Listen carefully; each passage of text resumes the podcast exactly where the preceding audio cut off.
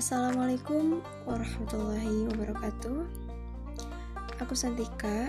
Aku memulai podcast ini karena ketidakmampuanku saat berbicara di depan umum, saat bercerita, apalagi bercerita soal perasaan. Maka dengan podcast ini aku memulai memulai bercerita tentang pikiran yang telah lama aku pendam dengan segenap perasaan, baik itu sedih, senang, sayang, benci, suka, atau bahkan kecewa yang kupendam dalam isak tak bersuara.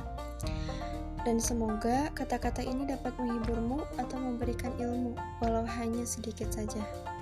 Selamat mendengarkan. thank you